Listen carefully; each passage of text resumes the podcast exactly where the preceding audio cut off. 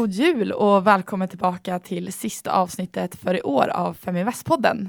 Ja. Ja, och jag heter Johanna och är projektledare för Feminvest. Mm, och Eva Trin, också ständig motpart här, eller medpart kanske. Ja, det på andra sidan. Ja, motpart är vi inte. Eh, Sverigechef på Nordnet. Ja, Mm. och eh, nu är det inte långt kvar till julen. Nej, du, det går fort nu. Eller det har gått, jag älskar ju den här tiden när det är, eh, jag är sådär, ja, tycker om att pynta och så innan jul. Sen efter jul vill jag gärna bort det, men jag tycker det är så mysigt nu när det börjar närma sig jul och barnen är lite pirriga och det börjar närma sig jullov och Men december är en väldigt mysig månad tycker jag. Ja, men det tycker jag också. Även, den är ju stressig också, så det finns ju alltid två sidor på det här. Att det, är, eh, det är mycket att göra inför jul på jobbet och sen har man ofta lite åtaganden hemma med julklappar och annat som ska ordnas. Eh, men sen är det det här att man kan komma hem till den här miljön med ljuset och mörkret utanför. Jag tycker att det är lite mysigt.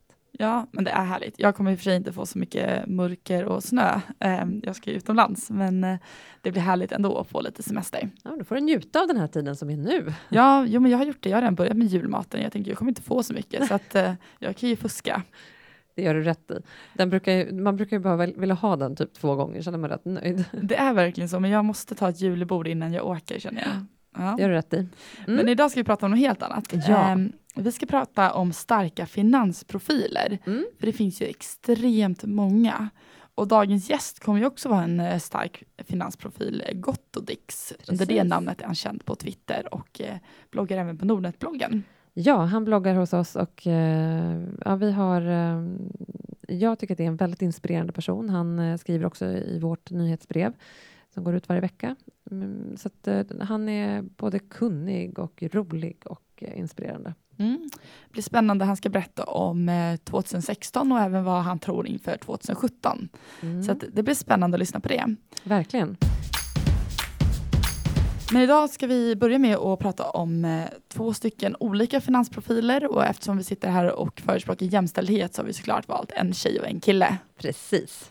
Så eh, mannen här är Warren Buffett. Ja, det går ju faktiskt inte att välja någon annan. Nej, det gör inte det. Vi ska gå in lite mer på det. Och sen så kommer vi prata om eh, Barbara Stewart. Mm. Jag tror många som har varit med i Feminvest eller Nordnet innan har nog lite koll på vem hon är och kanske till och med lyssnat på hennes presentationer. Hon är en väldigt inspirerande person. Och en av mina största förebilder faktiskt inom det här. Så att hon är... Hon ligger mig varmt om hjärtat. Ja, och om vi börjar kika på Warren Buffett kan vi säga att han har väl byggt upp en väldigt, väldigt stor förmögenhet. Och eh, hans syfte är väl egentligen att han vill ju att eh, personer ska förstå ränta på ränta-effekten. Och här sitter vi och, och håller, kan inte hålla med mindre. Nej, precis. Um, man ska ge lite kort bakgrund, vem är han? Ja, alltså, jag tror att nästan alla har hört talas om Warren Buffett. Uh, det, det, jag tror att det inte är någon som uh, har gått miste om det. Men man kan ju säga att han är ju troligtvis världens mest kända investerare och affärsman. Uh, by far. Um, det som utkristalliserar sig honom, eller det som gör honom liksom, det man pratar om är ju hans långsiktiga investeringsstil. Och den, hans investeringsstil och hans uttalanden och hur han bygger upp sin portfölj har ju blivit en stor inspirationskälla och han är ju en enorm förebild eh, för många investerare. Eh, som du säger så har han ju byggt upp en förmögenhet som är enorm eh, under sina år som han har jobbat med det här. Det finns hur mycket som helst. Han är en väldigt intressant person. Vi kommer inte kunna gå igenom allting, men ända sedan hans barndom eh, han hade en ganska stökig, brokig barndom och sen hur han egentligen hittade en person som han tyckte var så inspirerande som blev hans idol. Så att han faktiskt började studera på det universitetet och sen eh, på den vägen är det kan man väl säga. Egentligen. Ja, och jag tycker det är ganska roligt att han faktiskt inte använder sig av eh, snabba pengar, om man säger så, daytrading, utan han är ju verkligen känd för att behålla sina innehav Mm. Under väldigt, väldigt långa perioder. Mm. Och han använder sig väldigt mycket av fundamental analys, utan han tittar ju verkligen på värderingen av bolaget och satsar mycket på utdelningsaktier. ehm, så att, som han sedan då återinvesterar. Så att det är ju en lång, han har ju lite buy and hold strategi. Ja, det kan man verk- verkligen säga. Ja. Eh, och det är precis som du säger att eh, fundamentalt, han, hans stilen kännetecknas ju av att han eh, av värdeinvesteringar helt enkelt. Eh, han köper ju i första hand bolag eh, för kassaflöden eh, och inte för att han tror på en snabb uppgång i aktiekursen, utan han köper dem eh, för att ha dem på lång sikt, vilket är då en väldig motsats till daytrading. Så att, eh, långsiktig, eh, långsiktiga investeringar. Många av de innehav som han har i Berkshire Hathaway, som är hans eh, vi kommer säkert in och prata om det sen. De behålls ju i eh, decennier. Så att han, han är ju enormt långsiktig i, sin, i sina investeringar. Och det är ju inte ens säkert att han gör sig av med dem, utan han kanske bara fortsätter att eh, följa bolaget på deras utveckling. Och som du är inne på, all utdelning och all vinst som uppstår i bolaget återinvesteras i bolagets verksamhet. Ja, och så tycker jag han har så mycket härliga citat, för han går ju alltid lite emot eh, marknaden. Han har, ju, han har ju det här som är väldigt känt. Be fearful when others are greedy, be greedy when others are fearful. Ja. Och det är ju lite där, han eh, förespråkar kanske inte springa med flocken. Nej, verkligen inte. Uh, men han, han är ju en uh, en investerare av rang. Han pratar mycket om att ha tålamod. Eh, det som du och jag pratar mycket om också, det här med att välja bolag som man förstår sig på, som man känner till. Eh, fatta sina egna beslut pratar han också väldigt mycket om. Ja, och han har ju ett investmentbolag, Berkshire ja. Hathaway. Um, och den finns ju på den amerikanska marknaden. Mm. Vad är det för bolag som finns i den här portföljen? Ja, det finns enormt mycket bolag i den här portföljen, så att jag tänker inte gå igenom alla, men eh, jag tänkte gå igenom några stycken stora bolag som, som eh, jag tror många känner igen. Eh, Heinz är ju ett av innehaven, det är ju ketchupen. Och där finns det också en historia om hur han köpte dem och tog dem av börsen. Um, Wells Fargo, en bank. Coca-Cola har han också, också känd för att han har köpt, har ägt Coca-Cola väldigt länge. IBM, som är datorsystem. Eh, American Express, Walmart, eh, som är en butikskedja med lågprisbutiker. Eh, Apple har han i sin portfölj. Deer, John Deere, för de som bor på landet, menar, eh, traktorer helt enkelt. Um, ja, Visa har han faktiskt också i portföljen, med mera, med mera, med mera. En det är ganska... kända bolag. Kända, stora bolag som har funnits um, länge. Ja, och vad får man betala för en aktie i? Ja, det här är ju inte den aktien som jag skulle säga till att min son som skulle gå in och köpa en aktie för sina sparpengar. De här är ganska dyra. Eh, det finns ju en A och en B-aktie. Om vi börjar med B-aktien, för det är den man kan köpa, skulle jag säga personligen.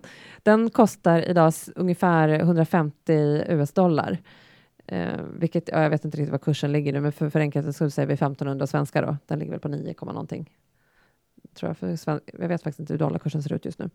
Eh, A-aktien, eh, den är ju helt eh, galen. Den ligger alltså på 235 000 dollar. Det är, det är en summa. Det är ungefär 2,3 miljoner svenska kronor för en A-aktie. Men å andra sidan, om man tittar på utvecklingen, hur det faktiskt har gått. Ja, nej, men det är fantastiskt. Uh, titta, nu tittar jag på B-aktien och tittar man på de senaste fem åren så har den ju gått 99 procent. Det är helt galet. Uh, och har gått positivt om, liksom, varje år sedan dess. I år vet jag faktiskt inte riktigt. Uh, nej, men det är, även i år ligger den i plus 20 procent. Så det, den har ju haft en uh, stabil och bra utveckling. Ja. Och är väldigt populär ska jag säga. Det, det kan man ju se även på Nordnet att, att det är en väldigt populär aktie och lite grann kan man väl säga så här, ja, men, om han nu är världens mest kända investerare, varför skulle man då inte ta råd av honom istället för att gå till, till en rådgivare på stan? Absolut, och um, har man råd så är det väl fantastiskt uh, bolag att investera i. Men um, han har ju även skrivit en hel del böcker Aha. Och det kan vi passa på inför jul här nu, en perfekt julklapp. Ja, men det tycker jag. Det är väl liksom framförallt nu om man sitter så här veckan, ja, nu är det väl drygt, veckorna innan jul och funderar på vad man ska köpa för någonting och kanske till den som har allt eller kanske bara den här lilla extra grejen så är ju, han har ju skrivit en hel del böcker, men framförallt liksom hur man börjar investera har han ju skrivit om och för att bli framgångsrik som investerare. Jättebra boktips. Men, det är väl det bästa man kan ge bort egentligen. Ja. Förutom kanske att också ge bort aktier kan man ju också göra. Men... Ja, jag får ju faktiskt en eh, hel del finansböcker skickade till mig. Personer som vill att man ska prata om dem. Så det är lite roligt. Jag har faktiskt tagit med mig några stycken nu, för det är svårt att börja prata om någonting som man inte har läst. Ja. Så jag har tagit med mig några nu, så jag tänkte jag ska läsa lite här under semestern. Får ha en boktips eh, efter jul. Mm. För jag har också några stycken som ligger på, på lut eh, som jag tänkte ta under julen och läsa igenom. Det kan vi återkomma till. Men ja, innan det, är det, jul, det vi ska göra här nu under julen. Det är det vi ska göra under julen. Men innan julen så kan vi rekommendera Warren Buffett som en, en, en jättebra julklapp, både till dig själv och till eh, kanske någon, någon annan. Ja, och han börjar ju komma upp till åren. Eh, vad tror vi? Det här är ju den här ständiga frågan som när Steve Jobs lämnade Apple, lämnade Apple, kanske var fel uttryck. Men vad tror vi nu när han börjar komma upp till åren? Vad tror vi om Berkshire Hathaway när han inte längre är kvar? Ja, eh, den som hade svaret på det vore ju klok, men det vet man ju inte såklart. Eh, det som är väldigt, eh, det han själv klargör och det man lite grann kanske kan tyda på på de senare investeringarna som är gjorda är ju att det, är, det finns ju en hel del adepter i bolaget som har jobbat väldigt, väldigt länge. Um, och det är ju de som kommer ta över när han kliver ner, eller han, jag skulle nog tippa att när han faller av pinn faktiskt, för att jag tror inte att han kommer kliva av innan. Jag tror inte heller det. men men eh, om, man, om man bara tittar på en spännande som nu händer nu i september, så började ju Berkshire investera i flygbolag. Eh, American Airlines, Eh, Delta Airlines och eh, United Continental. Och om man liksom går tillbaka till Buffett så har ju han varit väldigt emot investeringar i flygbolagen. Um, så att här kan man ju då fundera på om det är någon av adepterna som börjar gå in och ta över eller om det är eh, Buffett som helt enkelt har ändrat åsikt. Men jag tror att de redan nu är väldigt investerade, eller in, investerade, det är de säkert också, väldigt eh, initierade och påverkar portföljen. Jag tror också det. Jag tror inte att han kommer lämna det där till slumpen. Nej. Um, så för er som inte har hört talas om honom förut, jag tror att de flesta har gjort det, in ja. och googla Warren Buffett. Det finns väldigt mycket information att hitta, både böcker, ja. filmer, klipp etc. Och han är en rolig person också. Han är kul att titta på på klippen också. Finurlig eh, farbror. Smart. Jaha, det också. Om vi ska gå vidare till den andra personen mm. um, så nämnde vi Barbara Stewart som är en kanadensare. Ja. Hon har ju forskat väldigt mycket om kvinnor i finansbranschen och eh, hennes senaste forskning heter Finance is new black. Mm. Hon är även känd från hennes tidigare forskning Rich thinking. Precis. Um, hon har varit med på vårt event som vi hade 8 mars i ja, år. Och vi kommer även internationella ha ett, kvinnodagen. Precis, vi kommer även hålla ett nästa år, 8 mars. Göra det till tradition och det är lite större event för er som inte har fått plats på eventen hittills. Så hoppas vi att det här eventet är verkligen någonting som man inte vill missa. Um, men vem är Barbara egentligen? För det är många som kanske inte känner till henne också. Vem är hon och varför hon valt att forska inom det här området? Ja, man kan säga att eh, till skillnad från Warren Buffett så är ju Barbara Stewart inte alls eh, lika känd. Eh, generellt sett så finns det inte jättemånga kvinnor eh, inom finansbranschen som har en internationell eh, status som eh, inspirationsprofil.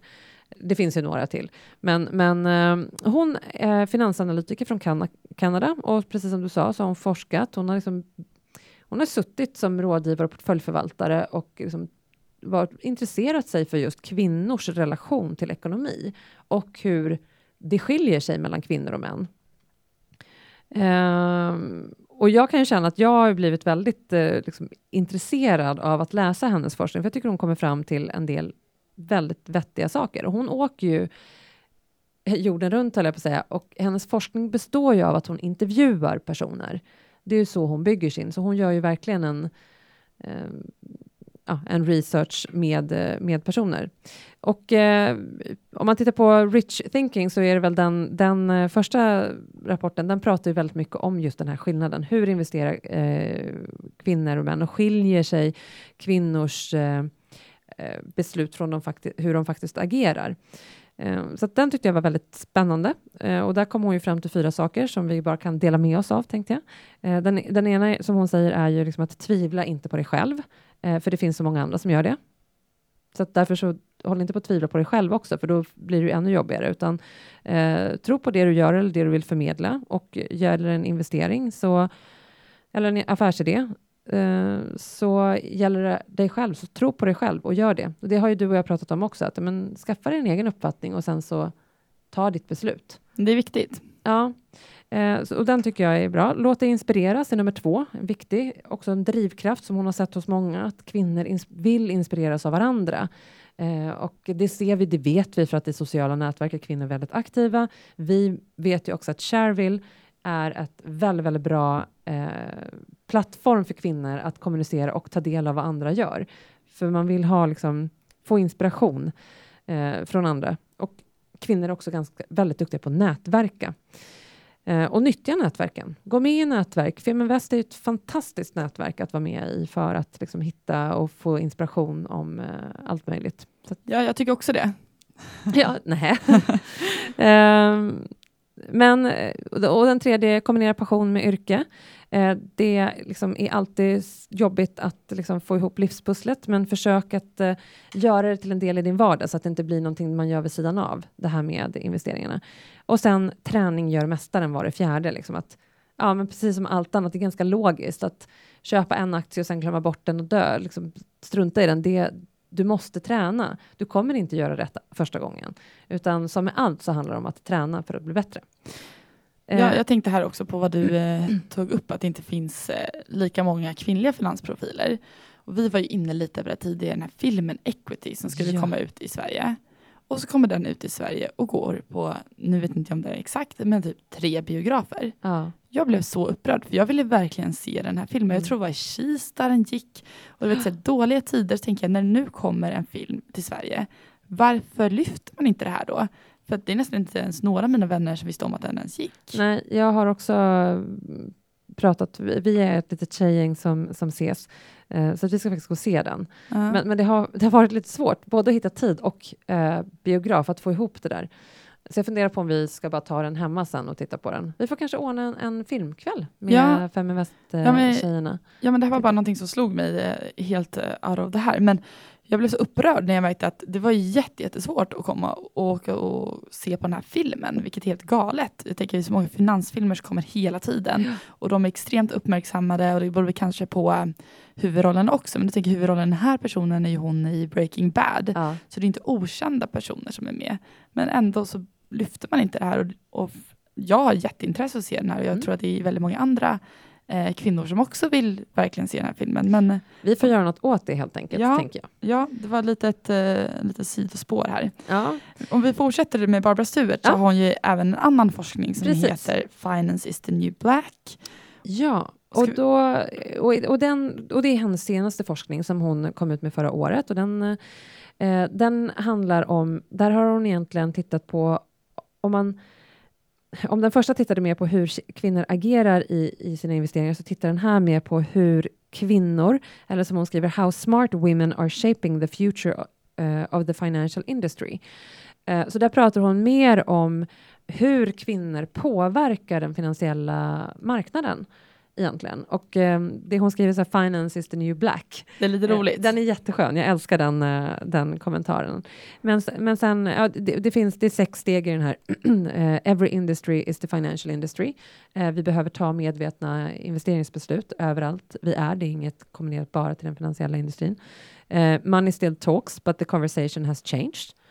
Det innebär att vi börjar få in en annan typ av dialog. Det är fler kvinnor som kommer in och vill påverka på den här eh, plattformen. Follow the movement, behavior drives financial outcomes.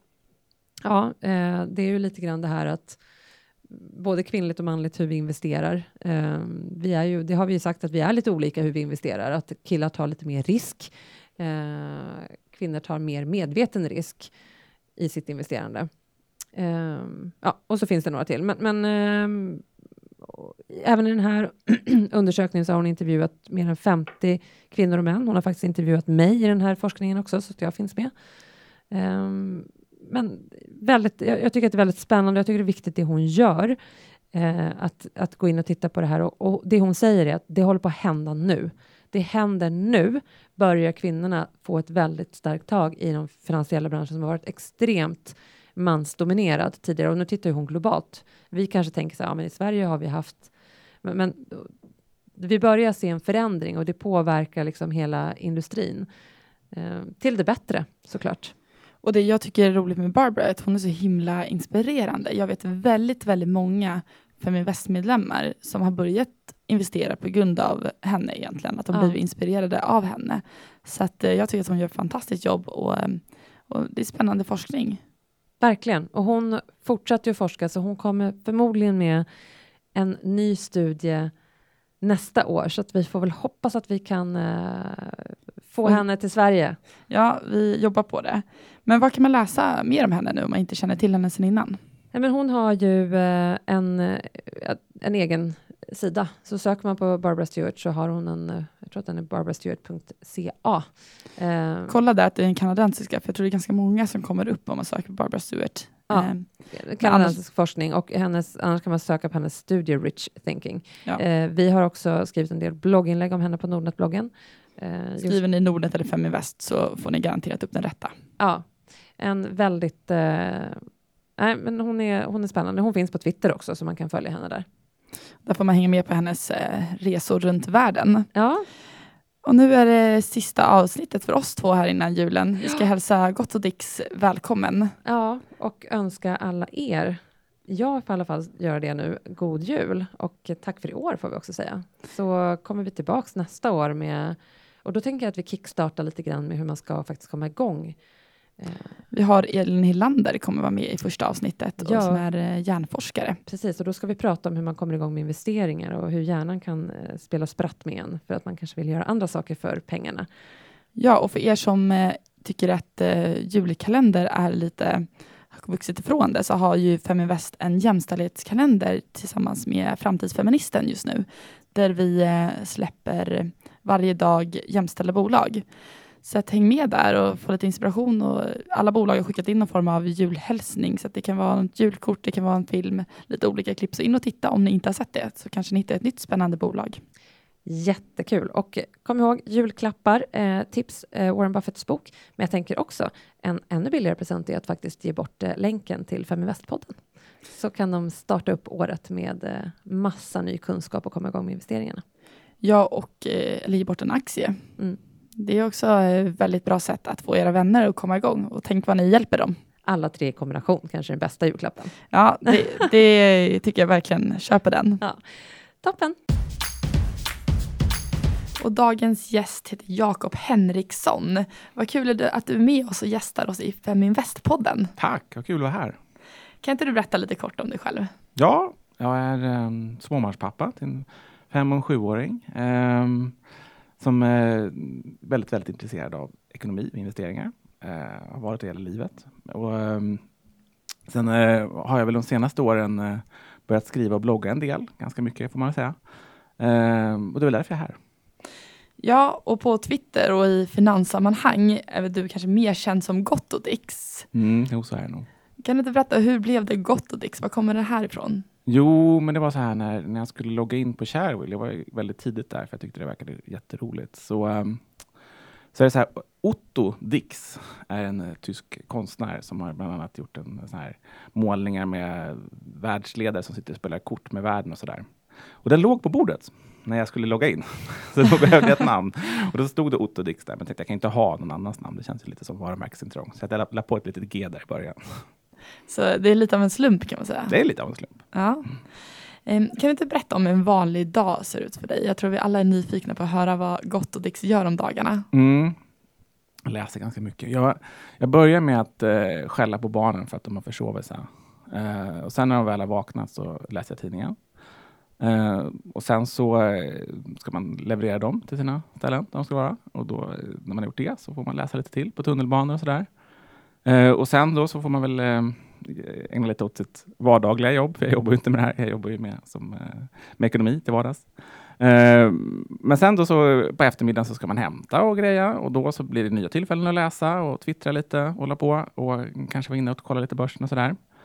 Uh, kolla, framförallt kolla de sakerna som händer under en dag, gör jag alltid. De nyhetshändelser som jag vet är på gång. Uh, och sen så, uh, när man har lyckats se till att barnen är på aktiviteter eller gör läxor eller sådär, då eh, brukar jag börja komma igång och försöka skriva ner det jag har hittat. För det är lite min arbetsmetod. Det är liksom att jag hela tiden håller på med nyhetsflödet och så bearbetar jag det och bearbetar och bearbetar och bearbetar. Och eh, de som redan följer mig vet att det där kan man ju se, för jag skriver ganska mycket. Jag twittrar ganska mycket, jag skriver ganska mycket. Så jag försöker liksom få ur med det som jag har sett under dagen. Och så blir det lite nya idéer av det. Och när, när köper du? Alltså jag, jag köper eh, på, jag ska säga, jag har en, eh, en strategi kan man säga som den är, den är en sorts att allt ska vara på plats. Den är lite så som de stora investmentbankerna jobbar, fast eh, ensam då. Eh, jag, jag säger att jag vill, jag vill att, det, att man ska ha medvind i bolaget förstås och sen så ska man ha medvind också lite grann i tradingmässigt sådär. Men sen så ska man ligga rätt i ekonomin och i cykler och sådär. Och då har jag då, genom att jag hela tiden ligger och följer nyhetsflödet, så har jag ett antal idéer som jag liksom ligger och väntar på. Och när de idéerna känns som att de trillar in någorlunda rätt, då passar jag på att köpa. Så jag har liksom, att säga, när alla lampor lyser grönt, brukar jag säga. Jag är inte någon sån här som har en enskild lampa, utan jag vill att det ska vara helt grönt innan jag väljer att gå in. Du har ju portföljer på Sharewill. Mm. Kan du inte berätta om de olika? Mm. Den stora, våran, våran, liksom, vårt familjesparande, det är ju vår aktieportfölj. Den, som jag tror, det är den som flest följer också. Eh, och den portföljen, den är ju den är en ganska aktiv portfölj faktiskt. Det, det beror på att jag eh, jag tycker inte om att eh, ligga kvar. Jag har en regel när jag investerar som är att om jag inte förstår vad som styr kursen i ett bolag, då brukar inte jag vilja vara i det bolaget. Så jag, vi, vi handlar ganska mycket faktiskt. Och det är inte, för att, inte så mycket för att vi vill vara här traders eller tjäna pengar på, på liksom swing trading och sånt, utan det är för att jag vill att vi ligger rätt med vår portfölj så att jag förstår vad vi...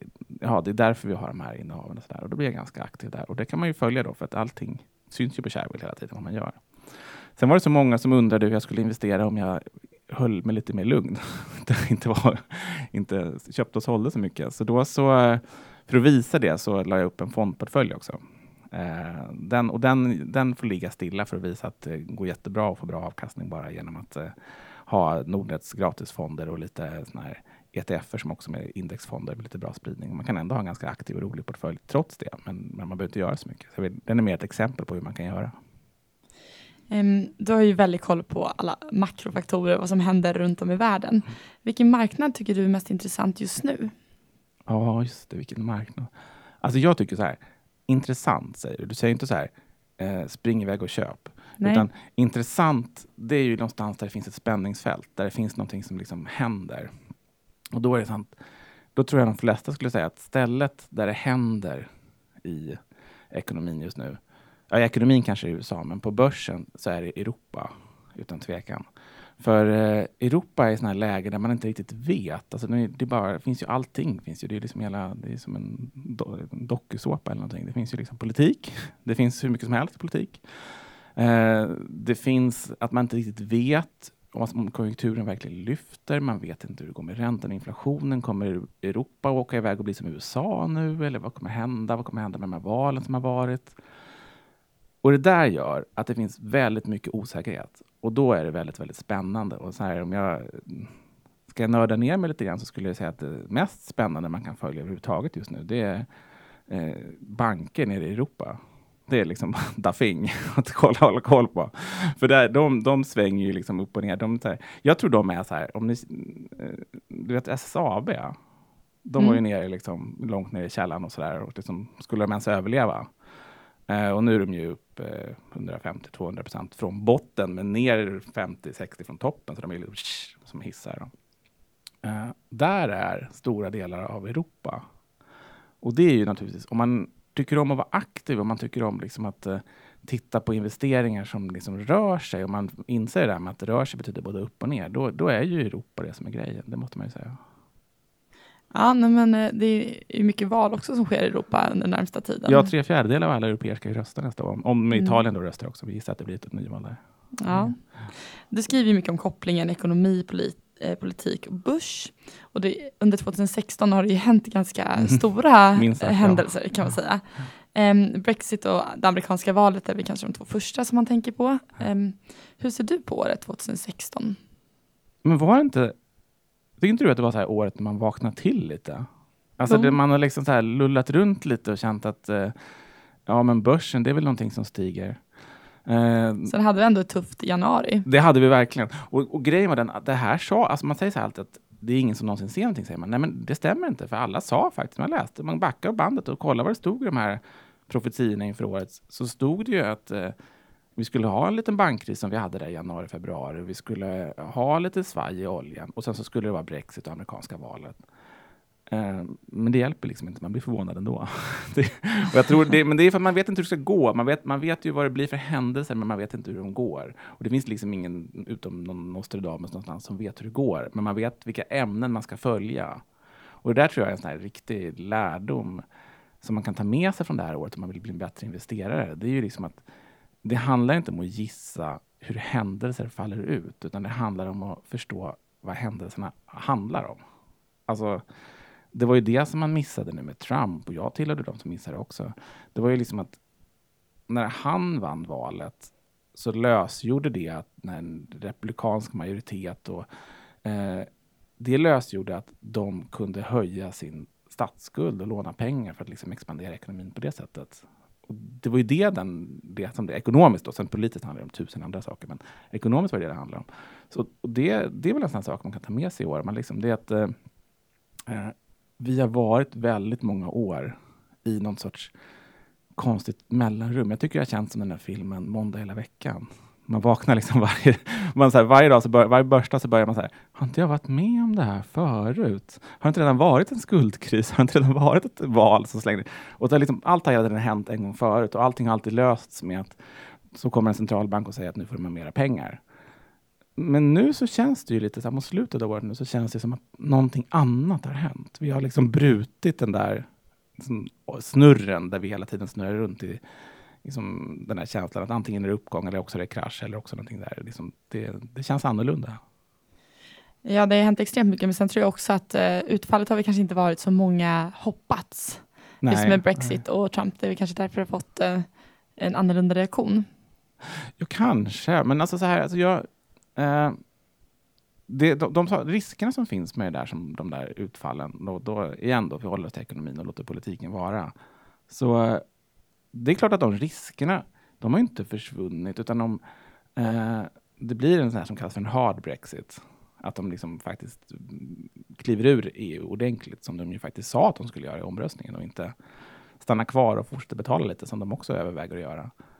Då, då, eh, då, då är det klart det händer någonting. Och så är det med Donald Trump också. Man skulle liksom, det blir det mycket handelshinder och sådär. Då, händer någonting negativt. Men det man inte såg riktigt när de här händelserna, jag tror det var väldigt få som såg det, jag såg det absolut inte. Det var ju liksom att de skulle bryta loss den här status quo-läget som vi har haft. Den här du vet, du vet, känslan liksom att det är bara lägre och lägre räntor och min, alltså hur långt hur mycket minus kan man ha? Finns, kan, man få, man, kan man få ränta? Kan man få plusränta? Liksom? Och finns det? det där? Och det där har ju hänt någonting nu. Eh, och det lösgjordes ändå lite grann av de här lite omvälvande händelserna. För det skakade liksom om och gav någon sorts känsla av att nu rör vi oss ändå framåt. Liksom. Ja, och börsåret 2016 är ju nästan slut. Det är ju jul alldeles strax. Vad, vad är det som avgör nu hur 2017 kommer att gå? Mm. Jag tror att det är så här att alltså, eh, det enklaste svaret på det där, det tror jag är att det är att det är vågskål mellan å ena sidan inflationen och räntorna och å andra sidan bolagsvinsterna. Nu är det ju så att eh, överallt så ser man att det här bortglömda fenomenet inflation kommer tillbaka. Alltså vi har ju det igen, det är bara att konstatera. Och man ser ju liksom att eh, amerikanska långräntor har ju stigit jättesnabbt. Och det, sen, det kan man tycka, så här, vad spelar det för roll? Ja, men det spelar hela världen roll. Det ser man ju på dollarkurs, det ser man ju på hur börsen reagerar, ser man ju på vilka, vilka typer av aktier som går bra och vilka som går dåligt. Det styr enormt mycket. Och då finns det en regel och det är en bra sån här praktisk sak att tänka på. Det är ju liksom att eh, om räntor stiger långsamt så brukar det vara ett tecken på att ekonomin mår hyggligt bra. Och då brukar börsen stiga tillsammans med räntorna. Men om räntor stiger väldigt fort, då tyder det på att någonting har hänt, någon förändring har hänt. Och då brukar börsen ha väldigt, väldigt svårt att inte rasa helt enkelt. Och så fort som räntorna stiger just nu, så fort kommer de inte kunna stiga. Så det är bara att sitta och stirra på den där, liksom bara hur räntorna ligger till, om de liksom bromsar in, tror jag. Och så måste bolagens vinsterna svara, det tror jag är jätteviktigt. Vad är det för stora händelser 2017 som man som vanlig sparare eh, bör hålla eller vara uppmärksam på? Den första händelsen tror jag är en liten händelse. Eh, det är om vi, om Sveriges ekonomi växlar över till att liksom, bli lite mer vanlig. För vi har, det är egentligen jättekonstigt ju. Vi har den billigaste kronan på, ja, jättelänge. Eh, och man säger, varför då?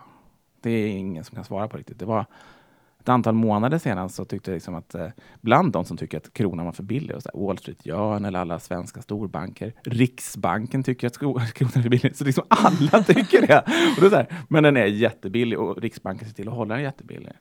Och då är det så där att eh, det där inte, kommer inte vara någon händelse. Det kommer vara något sånt här obskyrt som ett centralbanksprotokoll eller Stefan Ingves säger någonting i en chatt eller något sånt. Men när den där politiken vänder och Sverige ska liksom få en mer vanlig kronkurs som liksom passar för ett land som har hög tillväxt, som har högre tillväxt än sina handelspartner och sådär. Då kommer ju någonting hända på börsen också. Då kanske inte liksom, då får man ju tänka på liksom att vilka bolag är det som eh, importerar som Hennes och Mauritz och Clas Ohlson och vilka är det som exporterar?